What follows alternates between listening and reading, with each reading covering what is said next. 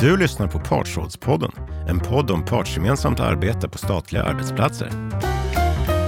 Välkommen till Partsrådspodden. Idag ska vi prata om varför det kan vara särskilt svårt att få till innovation i offentlig sektor.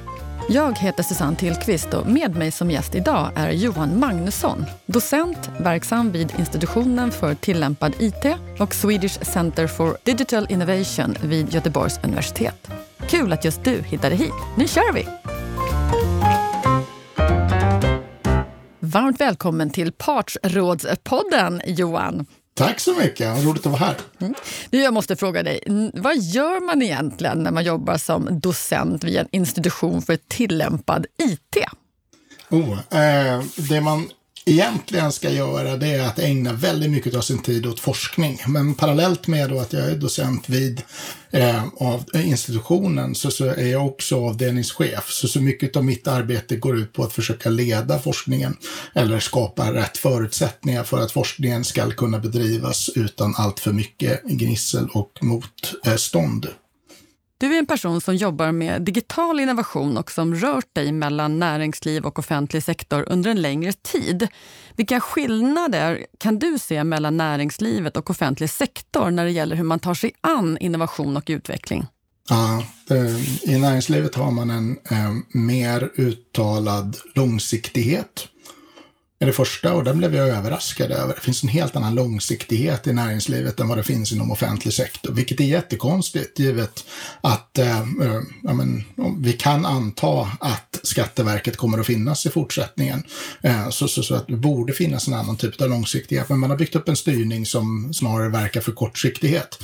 Det är väl den första delen. Den andra delen är att när vi tittar på begrepp eller eh, fenomen som digitalisering så rörde sig näringslivet snabbare inledningsvis. Men nu ser vi att offentlig sektor börjar röra sig snabbare än vad näringslivet gör. Och, och, och det där hänger ihop med att men, om vi tittar på offentlig sektor så är det 50 procent av BNP i Sverige. Och de 50 procenten är i stort sett inom en koncern. Det vill säga vi har total transparens mellan de olika aktörerna, vilket gör att man delar med sig på ett helt annat sätt. Man kan lyfta frågor. Man kan få in initiativ eller exempel på initiativ som har varit fördelaktiga i en annan del av koncernen om man så vill. Så, så, så, snabbheten håller på att eh, öka inom offentlig sektor och gå om näringslivet skulle jag säga.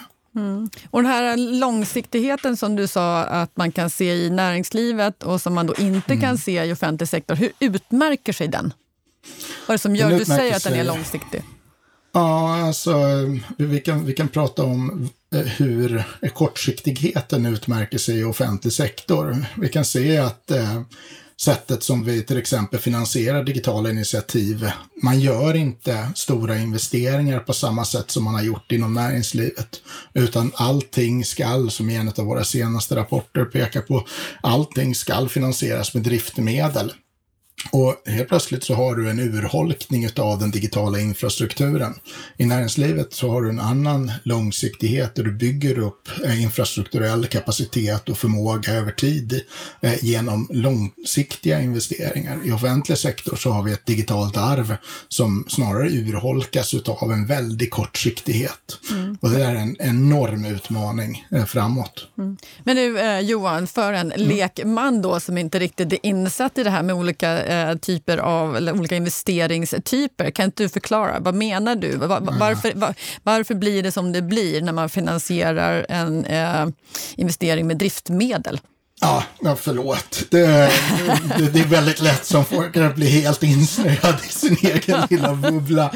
Eh, eh, det, det det menar, eller det, det, vi menar mer och det vi ser, eh, det är att ja, men om, du vill, om du vill göra någonting nytt inom offentlig sektor. Säg att du vill, eh, du vill använda en viss typ av sensorteknik, vi säger en kamera, för att ha nattövervakning utav äldre eh, på, på boenden då. Eh, så att istället för att komma dit och väcka dem mitt i natten för att se så att de lever, så, så låter man dem vara eh, så länge kameran inte skickar ett, eh, eh, ett budskap om att den här personen har trillat eller något sånt där. Den typen av teknologi är ju ganska billig. Alltså, det kostar inte så hemskt mycket med en kamera. Det kostar inte så hemskt mycket med eh, trådlöst internet som den där kameran behöver. Och det kostar inte så hemskt mycket med den där digitala tjänsten som du lägger på toppen. Men sammantaget så blir att installera bredband i huset ja, och att installera kameror i huset. Det blir en puckel som man behöver ta sig över eh, investeringsmässigt då. Så för att, om vi jobbar inom äldrevården i en kommun till exempel, så för att kunna få eh, ta del av den här digitala tjänsten så behöver man eh, finansiera upp hela den här digitala infrastrukturen. Det trådlösa internet, bredbandet och kameran. Och då måste du ta det ur din eh, eh, årliga driftbudget. Den du använder för att eh, eh betala personal till exempel, betala löner. Och det finns inte det utrymmet, utan vi är ganska eh, lean. Vi är ganska hårt effektiviserade, så det finns inte så mycket eh, fett över i de driftbudgeterna. Värdet utav den här digitala tjänsten, den kommer ju att utvecklas över tiden. Den kommer att vara varaktig eh, över tid. Men vi måste fortfarande finansiera hela stacken eh, med eh, driftmedel. Då kanske vi måste säga upp en person för att ha råd med det här. Och det har varit grundtanken bakom den här typen av eh, investeringsförfarande. Att ja, men man vill tvinga folk att realisera nyttan med den digitala teknologin. Och det är superbra när det gäller själva tjänsten, men inte när det gäller den underliggande infrastrukturen. För den underliggande infrastrukturen kan användas till massa andra grejer. Så varför ska den då finansieras av driftmedel? Och, och det där har lett fram till att, att eh, det är en väldigt hög tröskel för att kliva in i digitalisering eftersom du måste finansiera hela stacken. Så att istället för att bara betala för den digitala tjänsten så måste du också betala för hela infrastrukturen. Eh, och det gör att det går väldigt trögt i anammandet av den här typen av digitala tjänster. Och det gör också att eh, när vi planerar för utbyggnaden av en digital infrastruktur, så, så om vi inte kan använda investeringsmedel så blir det de här kortsiktiga besluten det kanske det, det alternativet som inte i det långsiktiga perspektivet är bäst för verksamheten, alltså den koncernövergripande nyttan, utan det som är bäst bara extremt kortsiktigt. Mm. Så det är en, en, en förklaring till varför det ser ut som det gör. Och hänger det här ihop med någonting med det så kallade digitala arvet som du brukar prata om när det gäller offentlig sektor? Absolut. Och, och, och, det vi ser när vi mäter det digitala arvet är att ja, men det är väldigt eftersatt. Eh, vi har gamla system på plats. Gamla tröga system. Och, och, och, och ur ett perspektiv så är de där systemen jättebra för de är väldigt billiga. De är ju, alltså vi kanske använder investeringsmedel för att få dem på plats och de är avskrivna nu. De kostar knappt någonting. Enda problemet är att det är väldigt dyrt att utveckla ny digital funktionalitet på toppen av de här.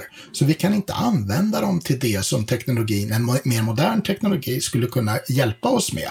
Vi kan inte snabbt ta fram en ny digital tjänst till exempel, utan det kräver jättemycket medel. Jag var på Transportstyrelsen, de hade räknat ut att det här digitala arvet som de har, det leder fram till att varje nytt utvecklingsinitiativ blir en faktor 10 i kostnad och tid. Det vill säga, det blir tio gånger så dyrt, det tar tio gånger så lång tid Eh, än vad det hade gjort om vi hade haft en modern infrastruktur under. Och då, då ser vi den egentliga nackdelen med en föråldrad digital infrastruktur, den är inte kopplad till säkerhetsbrister, de kan vara uppenbara, det är inte kopplat till eh, driftsäkerhet och sådana grejer, utan det är kopplat till nyutvecklingen. Och vi tar aldrig den i beaktande när vi gör investeringar eller när vi, när vi köper på oss digital infrastruktur. Och det har skapat det här läget där vi nu sitter på ett arv som inte går att använda till det som modern teknologi skulle kunna gå att användas till. Och hur gör man då? då? Kan man göra någonting åt det här eller är det bara att vi sitter med det arv vi har? Så det, ja, är bara att gilla alltså, läget, eller? När vi, när, vi släppte, när vi släppte de här siffrorna första gången, eh, alltså när, när, vi hade gjort den första eh, nationella analysen på det, då så, svarade infrastruktur eller digitaliseringsministern att eh, ja, men det är säkert så, men det kan lösas inom ram. Det vill säga att det ska lösas inom ramen för pengar som man redan har. Vi, vi, vi drar en helt annan slutsats, att det här är så stora investeringar som krävs, så det kommer aldrig att kunna lösas inom ramen. Några månader efter kom Riksrevisionen med sin rapport, den kom i oktober förra året, eh, och, eh, och den tittade på myndigheterna. Och, och de drog också slutsatsen att det finns ingen chans att det här kommer lösas inom ramen, för det här är så eftersatt investeringsmässigt, så det kommer att krävas många miljarder för att lyfta upp det här till en mer eh, eh, funktionell nivå framåt. Så jag tror inte att man kommer inte kunna lösa det här själv. Utan det vi kommer att se det är en överfasning till en nationell digital infrastruktur snabbare än vad vi annat hade sett. En infrastruktur där man går samman och säger bra, ja men vi använder samma ekonomisystem nu för samtliga kommuner. Vi använder samma eh, ärendehanteringssystem för samtliga eh, regioner, etc. etc. Så, så att man fasar över den vägen istället till en tredje part, till exempel till, till DIGG. Mm. Det, låter ju som, det, det, låter jättespännande, men då tänker jag samtidigt så här, för du brukar tala om hinkarna, effektivitet och innovation. Mm. Eh, dels skillnaden mellan de här och varför det är så viktigt att skilja de här. Då tänker jag att, att eh, det du pratar om nu, vilket är, det är ju ännu större projekt, tänker jag att få ihop ja. en gemensam. Och, ja. eh, vi kan börja så att, att, titta på, just, kan inte du förklara, när du pratar om de här hinkarna, effektivitet och innovation, kan inte du bara förklara för lyssnarna, vad menar du med det? Ja, det, det vi ser det är att aktiviteter kan vara en av två typer. Och det här är den diskriminerande definitionen. Då. Eh, den ena typen av aktivitet är en sån aktivitet som går ut på att exploatera givna förutsättningar. Det vill säga, det, så här ser det ut, nu ska, vi liksom, nu ska vi göra det här lite bättre. Kontinuerliga förbättringar, ständiga automatiseringar etc. etc. I den andra hinken så har du innovation. Och det är att utforska någonting nytt, en ny möjlighet. Den är väldigt riskrelaterad. Det vill säga, där behöver man tänka i termer utav eh, venture cap, eller riskkapital. Det vill säga majoriteten av projekt där kommer att misslyckas. Eh, och det, det, det, vi kan lära oss det är att försöka misslyckas så snabbt som möjligt och försöka skala så snabbt som möjligt när vi hittar någonting bra och försöka eh, lära oss utav misslyckandena som vi gör. På den andra sidan, effektivitetssidan, där handlar det om det här pågående, den, den, den ständiga framåtrörelsen i en verksamhet. Och det är någonting som vi är ganska duktiga på. Eh, när det gäller styrningen av det här så, så, så, är vi superbra på effektivitet, alltså den typen av styrning. Det är den styrningen som vi har i våra organisationer. Medan innovationen, den, den sker ofta i skuggan. Den är inte under kontroll. En viss del av innovationen kanske inte ska vara under kontroll, men en annan del behöver vara under kontroll. Och det, det en verksamhet behöver kunna göra då över tid, det är att balansera de här två hinkarna. Eh, I tider av stark förändring i omgivningen så behöver du eh, fylla på lite mer i innovationshinken. I tider av mindre förändring i omgivningen så behöver du skyffla över till effektivitetshinken. Så, så att vi behöver ha förmåga att kunna balansera det här över tid. Och då är det eh, skrämmande, tycker jag, att verksamheter inte har koll på hur mycket de lägger i effektivitetshinken, det vill säga att exploatera givna förutsättningar och hur mycket man lägger i innovationshinken, det vill säga att utforska nya möjligheter. Eh, så, så för att vi ska klara av det här så måste vi veta hur mycket vi lägger i vardera hink och vilka mekanismer vi har för att balansera det här och få en ändamålsenlig balans. För, för, för att det fyller ett syfte. Och, och det syftet ser jag, om vi pratar till exempel digitalisering, vi har inte en ändamålsenlig digitalisering på plats i Sverige inom offentlig sektor. Vi har liksom inte, vi har, vi har massa aktiviteter, vi har massa, eh, eh, vad ska man kalla det, tomtebloss. Men vi, vi, bygger liksom ingen eld kring det. Utan det är, vi, vi gör lite här, vi gör lite där. Eh, och majoriteten av aktiviteter hamnar tyvärr inom effektivitetslådan. Mm. Det vill säga att digitalisering likställs med automatisering. Mm. Och när du, kan inte du berätta lite mer, för du pratar om det med skugginnovationsprojekt eller skuggprojekt. Vad, kan du mm. förklara det lite närmare? Ja, det, om, vi, om vi säger att eh, vi, kan ta, vi kan ta det konkreta exemplet Skatteverket då. Eh, där mätte vi det här och tittade. Då, då märker vi att ja, men, Styrelsen och den strategiska styrningen vill ha ungefär en fjärdedel med innovation. Eh, av alla aktiviteter ska ungefär en fjärdedel vara relaterade till innovation, det vill säga utforskandet av någonting nytt. Det är vad de har satt som balanspunkt. Så tittar vi på portföljstyrningen, det vill säga alla sanktionerade investeringar, alla sanktionerade projekt och förvaltningsplaner.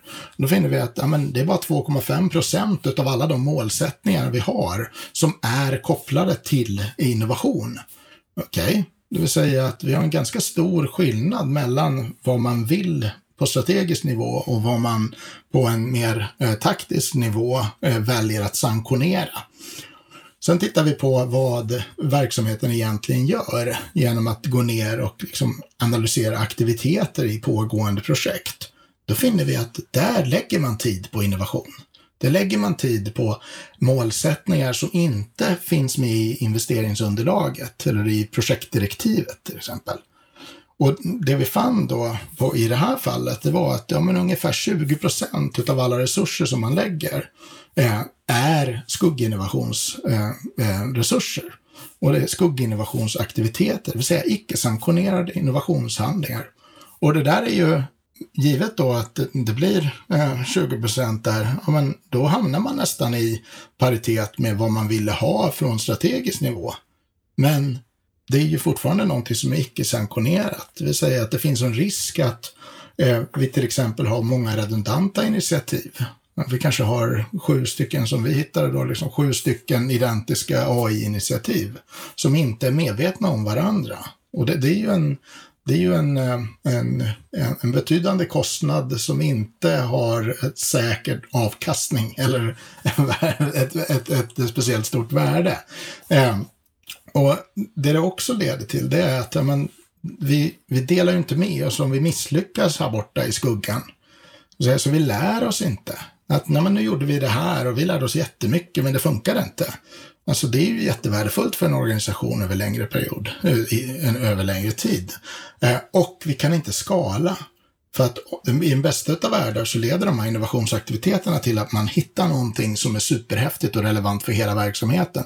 Men det kan ju inte gå upp gå tillbaka till prioriteringsgruppen eller gå upp till styrelsen och säga att ja men du, vi, vi, vi försnillade tre miljoner här.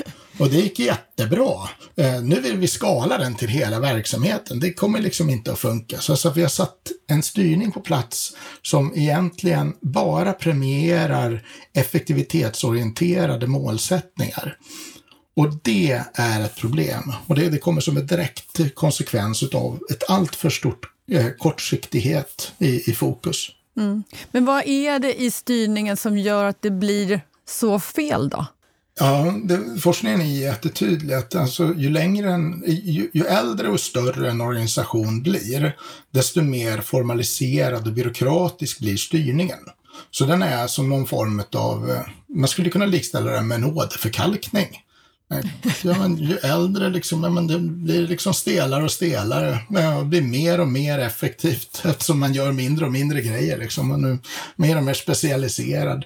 Men, men, men det där, eh, då blir ju också styrningen alltså störning för vad verksamheten egentligen behöver göra. För verksamheten utvecklas snabbare än vad styrningen utvecklas. Och den där skillnaden i utvecklingstakt, eh, den svaras då upp av att folk gör vad de anser är rätt snarare än att följa styrningen. Så det enda som räddar organisationer idag, eh, alltså när vi studerar dem, det är att alltså, folk kringgår de etablerade rutinerna. Så att det här är, alltså just den här människans, och, och det, det, faller tillbaka på kulturen, att du i den här organisationen har en kultur som säger att nej, men det viktigaste är att vi gör rätt. Mm. Alltså styrningen, där är det viktigaste att vi inte gör fel. Men människor äh, är, är mer benägna att vilja göra rätt än vad styrningen tillåter dem. Mm. Och vad kan man som verksamhet göra då om man vill röra sig från effektivitet och, liksom, och mot innovation? Ja, Det, det, det, vi, det vi försöker få folk att göra det är att titta på de existerande metoder som de använder sig av i sin styrning. Och det kan vara alltså sin portföljstyrning till exempel. Man kanske använder PM3 eller något sånt där för, för, för sina digitala initiativ.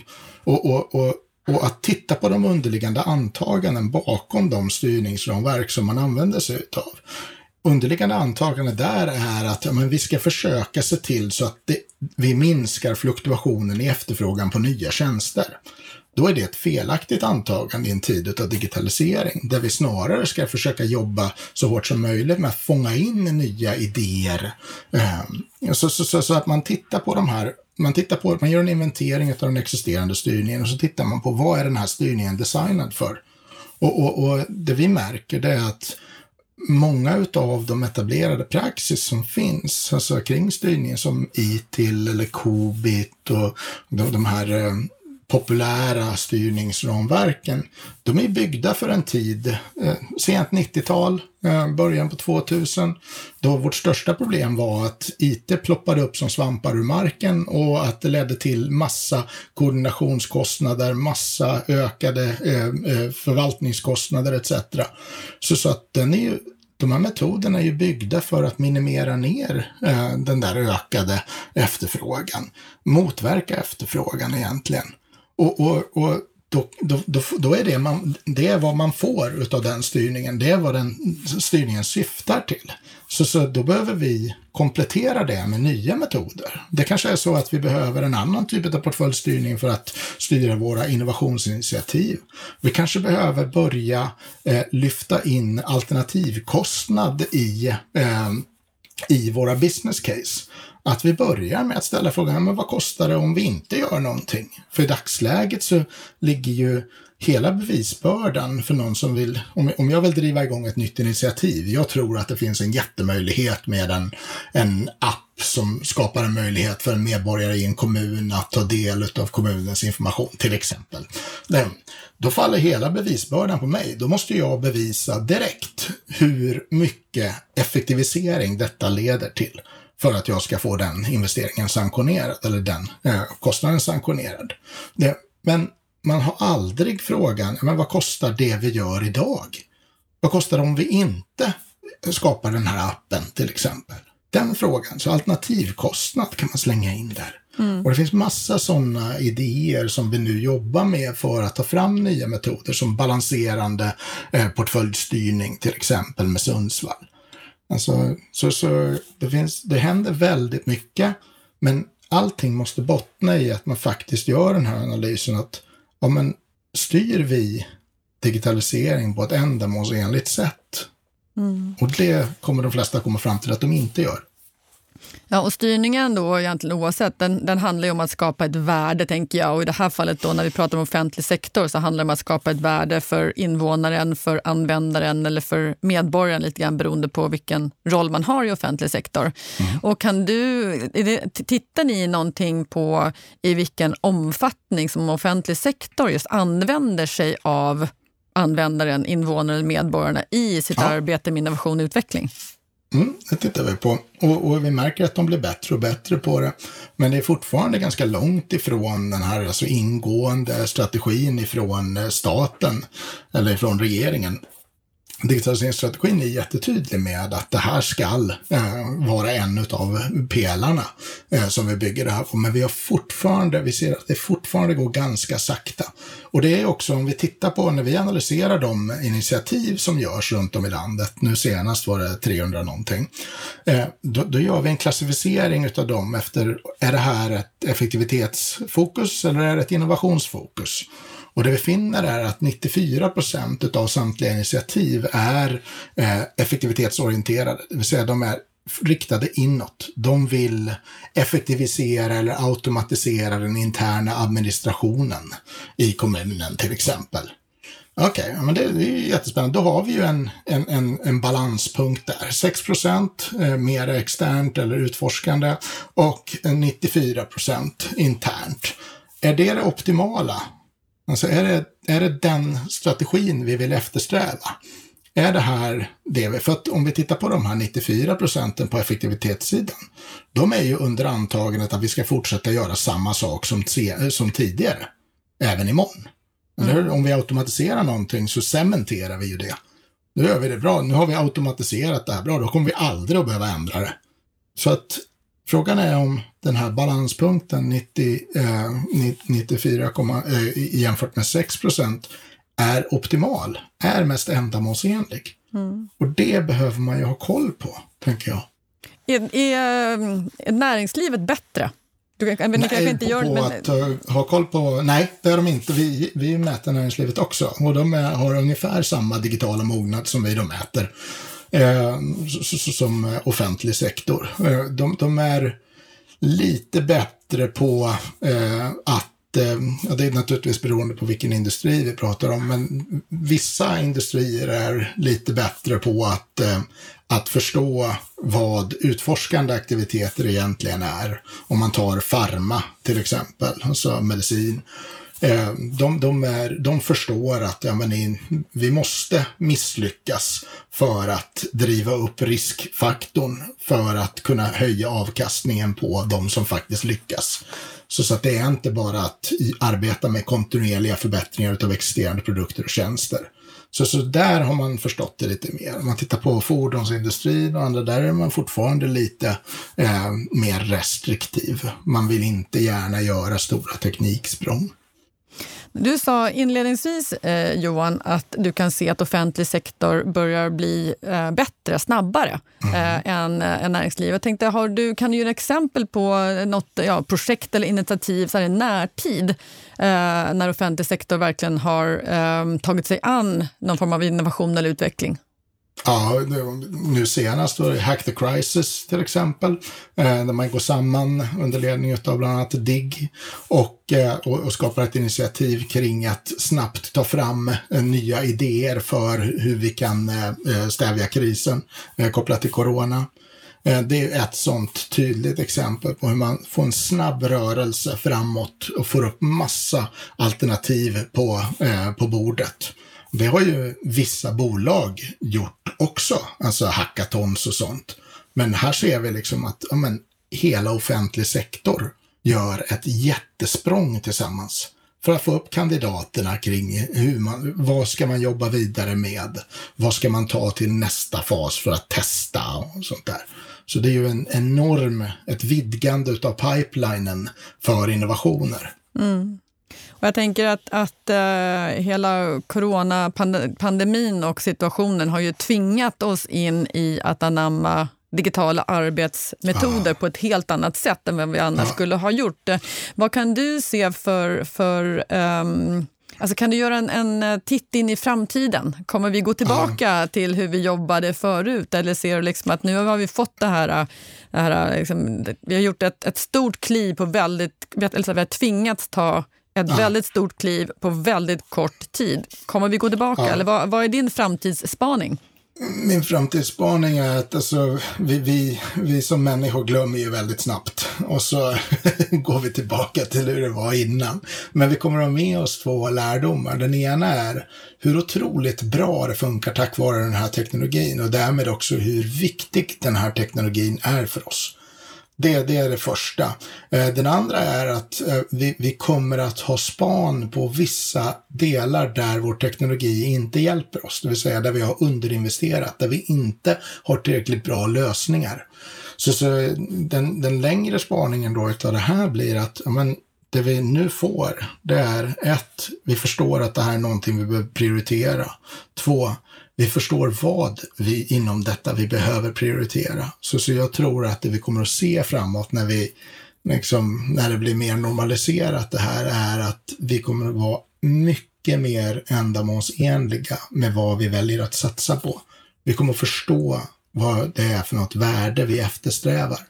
Och då blir det väldigt mycket av de här frågorna kommer att landa ner i en digital infrastruktur som i dagsläget är för eftersatt. Mm. Så, så, så jag tror att det här i ett lite längre perspektiv eh, är en, en, en väckarklocka.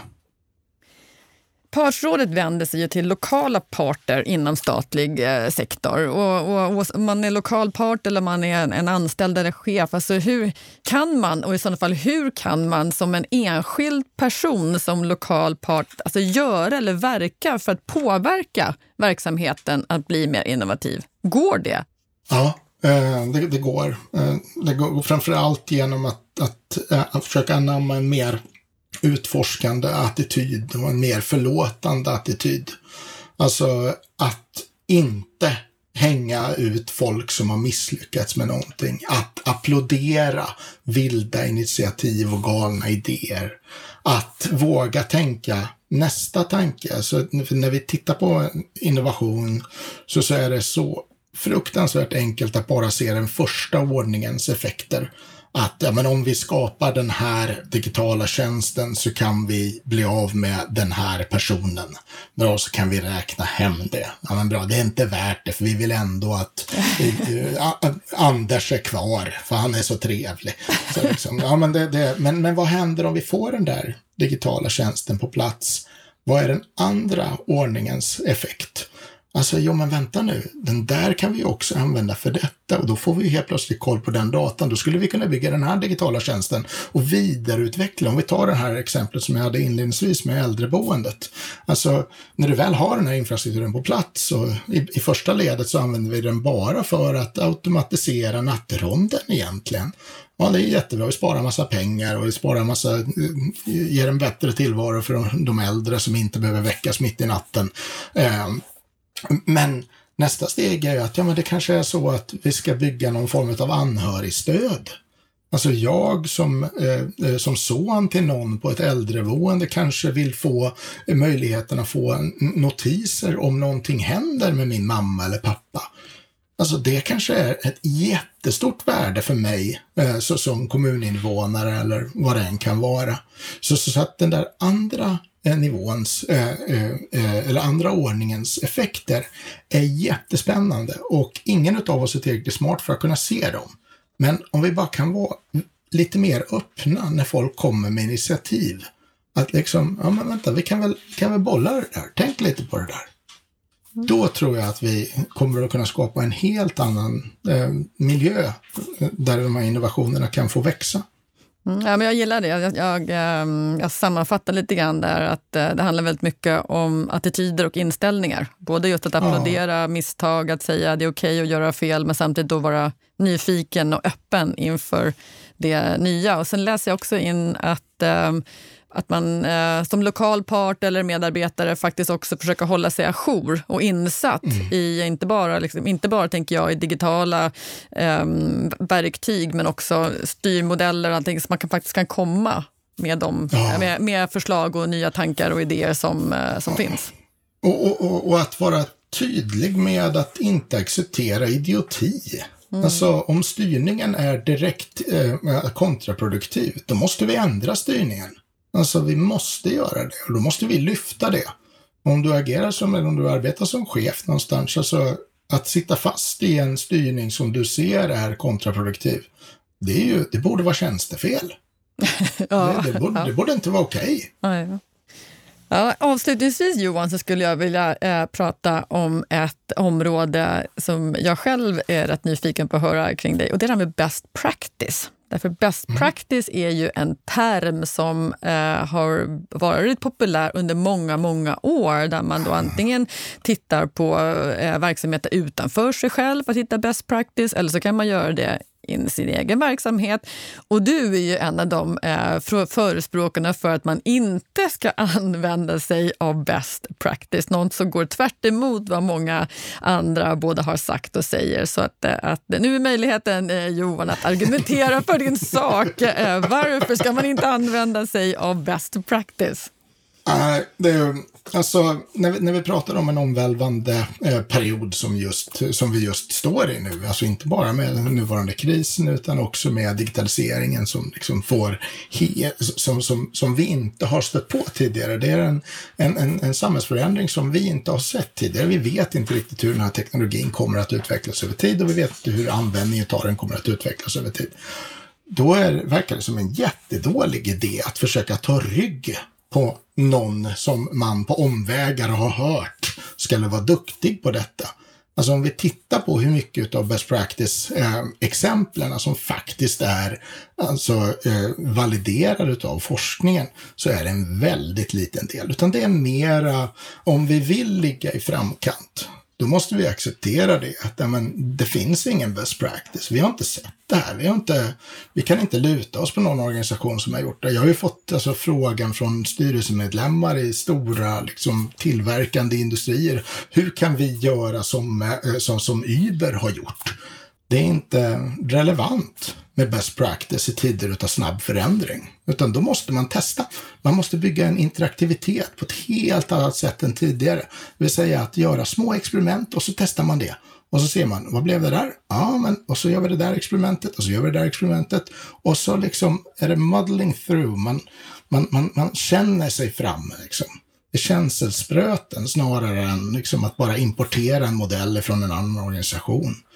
Bästa exemplet är ju liksom en tysk bank som tio år efter att eh, Spotify väljer att gå ifrån sin organisationsmodell eftersom de blev fler än 50 pers implementerar samma organisationsmodell. Alltså för att de läste en artikel som publicerades fem år efter att Spotify gick ifrån organisationsmodellen eh, om the Spotify way of organizing. Alltså, det, är liksom, det blir bara jättekonstigt.